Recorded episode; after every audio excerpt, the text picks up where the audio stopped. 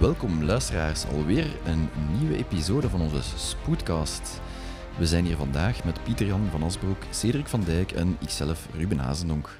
Welkom heren. Hallo. Hey. Het wordt weer wat warmer buiten en dus leek een aflevering over hyperthermie wel op zijn plaats. Het wordt ook steeds relevanter. Tot op heden was het warmste jaar ooit gemeten in zowel Nederland als België het jaar 2020. En trouwens, ja, het vorige record was nog van nog niet zo lang geleden, uh, 2014 en ook 2018 stond mooi in de top 3. Dus uh, spijtig voor de klimaatontkenners, maar er is echt wel niet veel meer te ontkennen aan dat de wereld toch echt aan het opwarmen is. En dus vermoed ik de mensen ook, neem ik aan, Ruben. Ja, dat lijkt me wel een heel logisch gevolg. Ja, oh wel, voilà. Dus goed, zonder dralen naar onze casus. Oké, okay, let's go. Het is gezellig terrasjesweer, maar eerder onder de parasols. Want de temperatuur vandaag is 36 graden. Eigenlijk ben je wel blij dat je vandaag mocht werken in de aangename airco-omgeving van het ziekenhuis.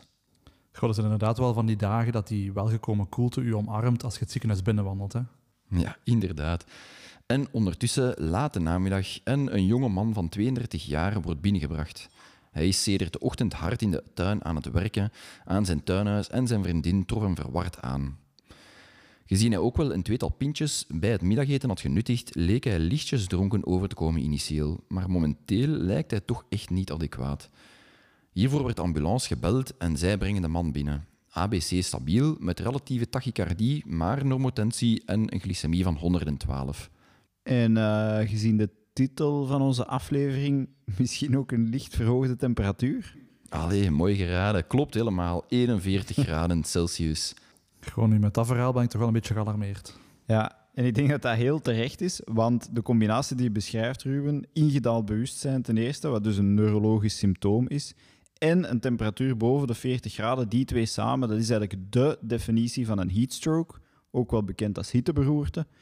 Ja, en dat betekent toch wel dat die patiënt kans heeft op een redelijk hoge mortaliteit en morbiditeit. Ja, inderdaad. Dat is heel terecht wat dat gezegd. Uh, die pathologie mogen echt niet miskennen op spoed, want het is inderdaad echt verraderlijk gevaarlijk. Maar goed, waar moeten we eigenlijk differentieel diagnostisch aan denken? Aha, dat gaat mijn toxicologisch brein al een overdrive. Hè? Want heel wat producten kunnen de combinatie van hyperthermie en bewustzijnsproblemen uitlokken. Ik denk bijvoorbeeld aan anticholinergica, sympathicomimetica, salicylaten, een serotoninerg toxidroom en dan eerder zeldzaam ook een maligne neuroleptisch syndroom. Uh, Oké, sterk, ja. Direct al breed en volledig. Uh, ik kan enkel nog toegeven, als je dan over toxico's spreekt, dat we ook aan ontwenning van alcohol of GHB moeten denken. Um, maar goed, ja, die vriendin die is er ondertussen ook bij en zij zegt echt wel zeer duidelijk dat er nooit sprake is geweest van enige voorgeschiedenis of uh, medicatiegebruik en dat de man absoluut tegen alle drugs was en enkel heel sporadisch is in het weekend een pintje dronk. Ja, nog ter uitbreiding van onze differentiële diagnose. Meestal bij deze lichaamstemperaturen denken we direct aan infectieuze pathologie, eh, sepsis natuurlijk, met eender welke focus, maar ook vooral meningitis, encefalitis. Ja, inderdaad, ook heel terecht. Um, maar goed, we zien geen petechje, de man is ook niet nekstijf. Uh, maar ja, goed, met dat laatste sluit je natuurlijk ook niet helemaal uh, een encefalitis of een meningitis uit. Ja, en een extreem delier, agitatie. Ja, ja ik, uh, ik zou inderdaad ook wel ongelooflijk lastig worden als mijn boor het ineens niet meer doet en ik wil mijn tuinhuis echt afkrijgen.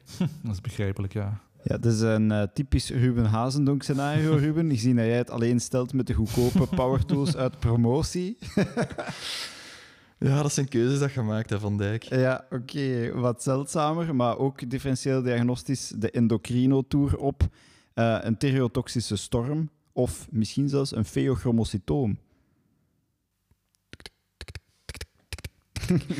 Uh, Oké, ja, kan ook. Uh, nog wat andere, minder voor de hand liggende zaken. En ook wel bij de zebras te klasseren, eventueel. In de plaats van uh, ja, gewoon een paard of zo. nee, malaria, tyfus en ja, zoveel andere tropenziekten. Maar goed, nu ben ik weer de achtergrond van de tropen te veel aan het, aan het aanspreken. Um, als we nu besluiten dat we eigenlijk al deze differentieel diagnoses met enige zekerheid naast ons kunnen neerleggen, terug even naar onze topic van de day.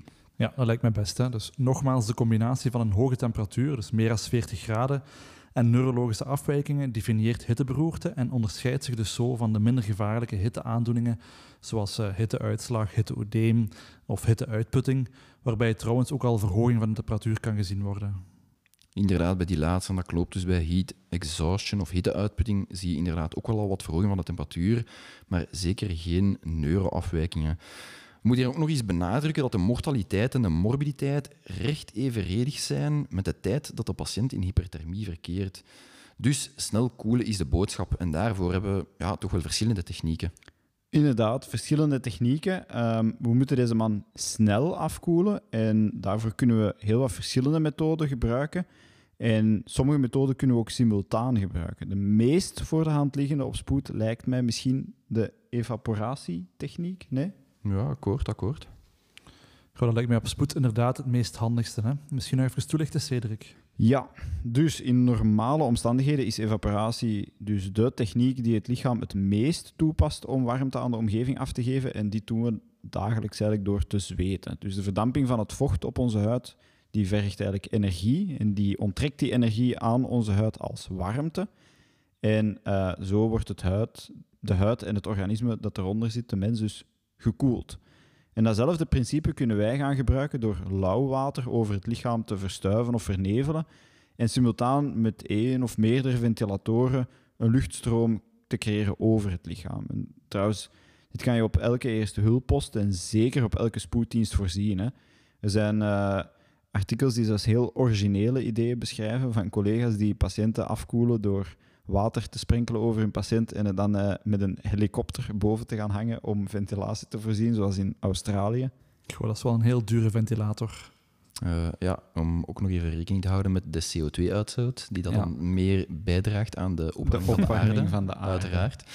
Nee, maar goed, wat ik u wel heel graag hoor zeggen is lauw water. Nog eens, heel belangrijk, eerst patiënt ontkleden en dan lauw water sprayen eigenlijk, verstuiven en dan de ventilator erop zetten. Gewoon inderdaad, de patiënt heeft het te warm, dus intuïtief zou je misschien kunnen denken om koud water te gebruiken. Ja, het probleem met koud water is dat je dan cutaan vasoconstrictie gaat veroorzaken en daardoor wordt de afkoeling van het organisme, dus de mens, eigenlijk vertraagd. Uh, bovendien gaat de sensatie van koud water aan de oppervlakte ervoor zorgen dat uh, je begint te rillen. En zo kan je dus eigenlijk door die spieren te stimuleren de kerntemperatuur zelf opnieuw doen stijgen. Want als je rilt, dan zwengel je je spiermetabolisme aan. En het neveneffect van spiermetabolisme is natuurlijk warmtegeneratie. Kerntemperatuur, daar komen we meteen nog even op terug trouwens. En ik heb een kernboodschap: strip, spray, fan. En verder koude vloeistoffen als we de patiënt vocht moeten geven, toch? Inderdaad, als we de patiënt vocht moeten geven, liefst gekoeld. Uh, ja, ik zou hier alvast ook opteren om te beginnen met 1 à 2 liter kristalloïden uit de frigo. Maar op zich wel heel terecht dat jullie beiden aanhalen dat we die toedienen als er vocht nodig is en op zich niet puur gebruiken om te koelen. Bij deze jonge persoon zal wat vocht op zich geen kwaad kunnen, maar toch altijd realiseren dat IV-vloeistoffen in feite als medicatie te beschouwen zijn en dus ook niet te geven zonder na te denken.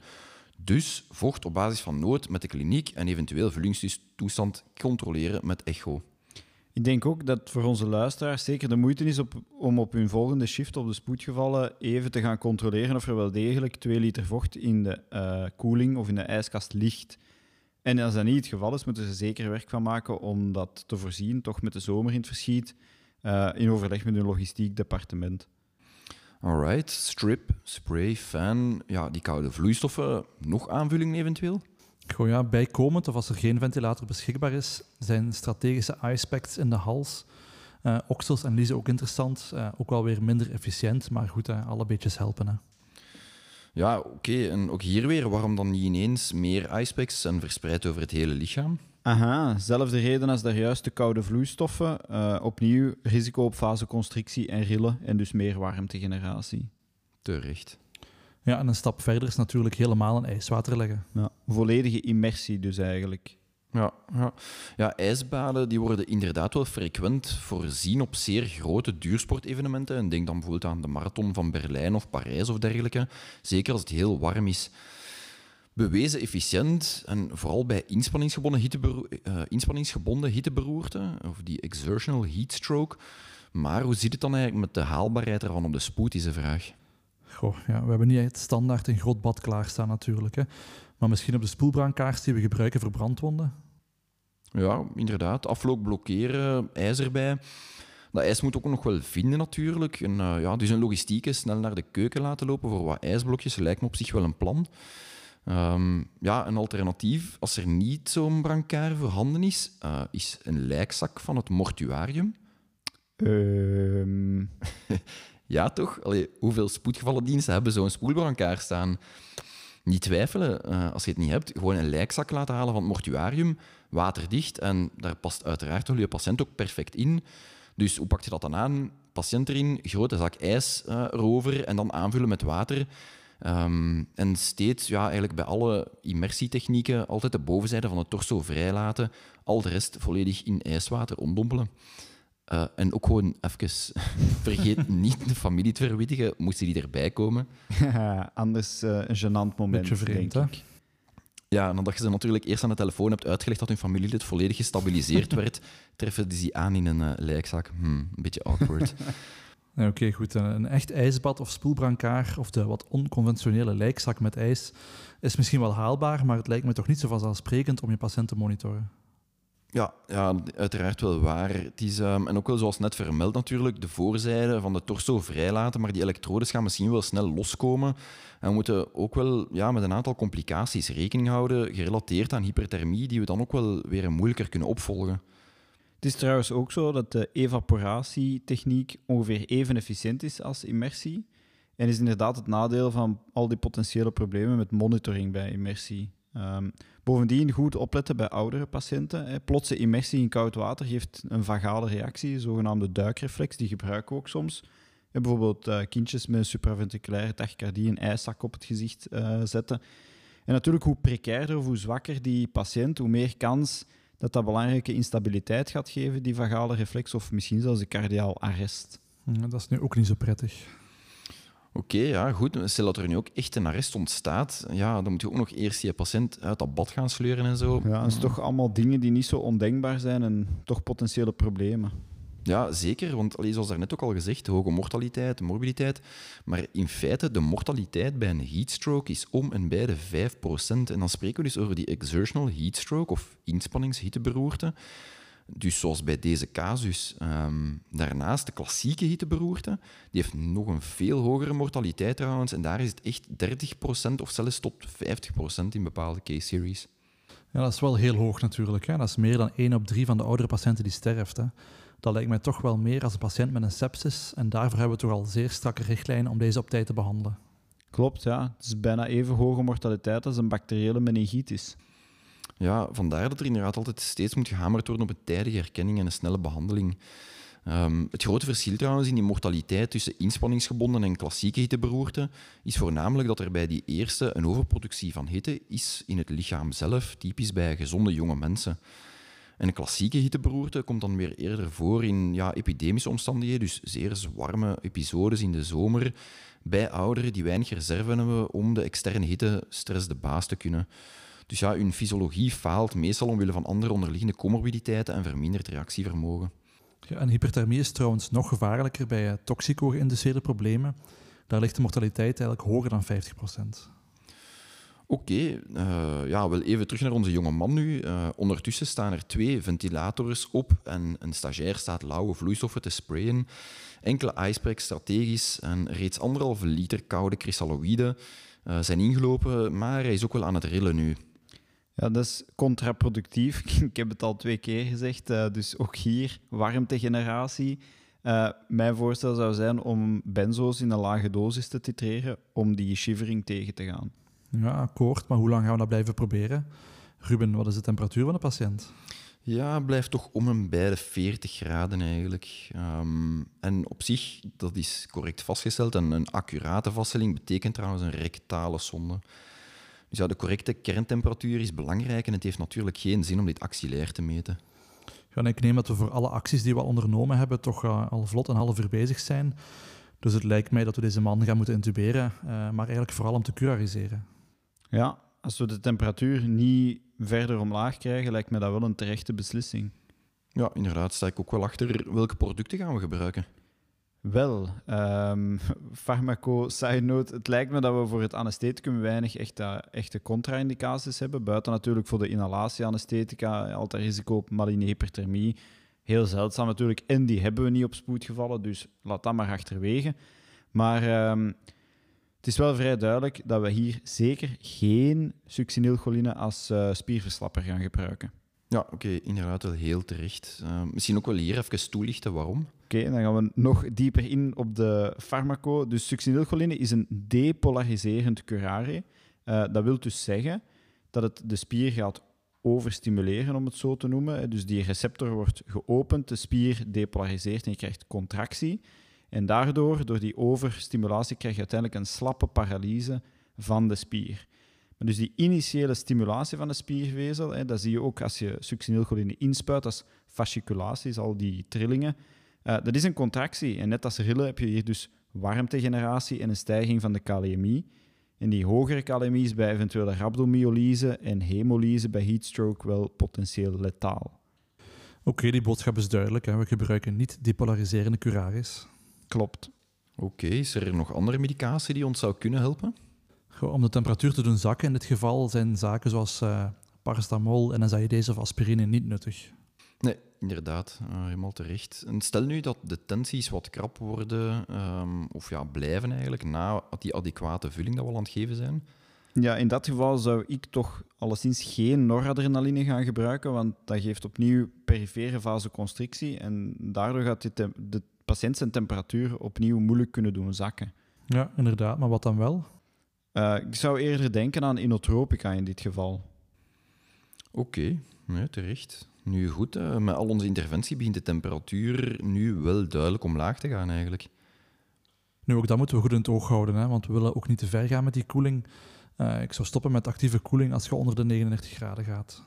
Ja, klopt helemaal inderdaad. Zeker overshoot hypothermie, echt vermijden, dat is echt een zeer reëel gevaar. Oké, okay, mooi werk, heren. Eh, de man is volledig gestabiliseerd en kan na een kort verblijf op intensieve zorgen zonder restletsels naar huis. Ook dat is wel fantastisch, want er kunnen heel wat complicaties optreden bij hyperthermie. Zoals reeds vermeld, uh, ernstige rhabdomyolyse met nierfalen, maar ook een sirsbeeld uh, kan zich ontwikkelen. En, en, zelfs ARDS of echt een, een multiorgaanfalen. En het duurt soms zelfs wel even eer dat de nierfunctie en de leverfunctie degelijk recupereren. Maar goed, hier dus, eind goed, al goed. Nog even een korte samenvatting. Oké, ten eerste een high index of suspicion aanhouden voor deze pathologie, zeker in de zomer natuurlijk. Belangrijkste is meer dan 40 graden en neurologische problemen altijd denken aan een heatstroke. Ja, en hou er rekening mee dat hitteuitputting met hyperthermie trouwens zeer snel kan ontaarden in een echte hitteberoerte of heatstroke. Ja, inderdaad. Tijdige herkenning en snelle behandeling is de boodschap. Hoe langer hyperterm, hoe hoger de mortaliteit en morbiditeit. En bij deze pathologie gaan medicatie zoals paracetamol je niet helpen om de temperatuur omlaag te doen gaan. Eventueel wel bij shivering een beetje benzo's. Oké, en inderdaad dan ook nog initiëren verschillende koelmethoden tegelijkertijd. Uh, waarbij vooral evaporatief koelen, het ontkleden, bevochtigen en ventilatie door middel van ventilatoren uh, eigenlijk in praktische zin de meest effectieve methode is. En verder nog koude kristalloïden als de vullingstoestand dit toelaat. Ja, en bijkomend icepacks plaatsen op strategische locaties, dus liezen, oksels en hals. Ja, een echte immersie in een ijsbad is op zich het snelste, maar niet steeds praktisch haalbaar. En stop met actieve koeling als je onder de 39 graden gaat. Alright, dank je wel om alweer een leven te redden, heren. En bedankt aan de luisteraars om er weer bij te zijn. Vergeet natuurlijk niet dat je altijd een samenvatting kan terugvinden op zol.be slash urgentiegeneeskunde. En volgende maand zien we jullie heel graag terug voor een aflevering over typische Belgische zomerpathologie. Stay tuned. Tot ziens. Dag.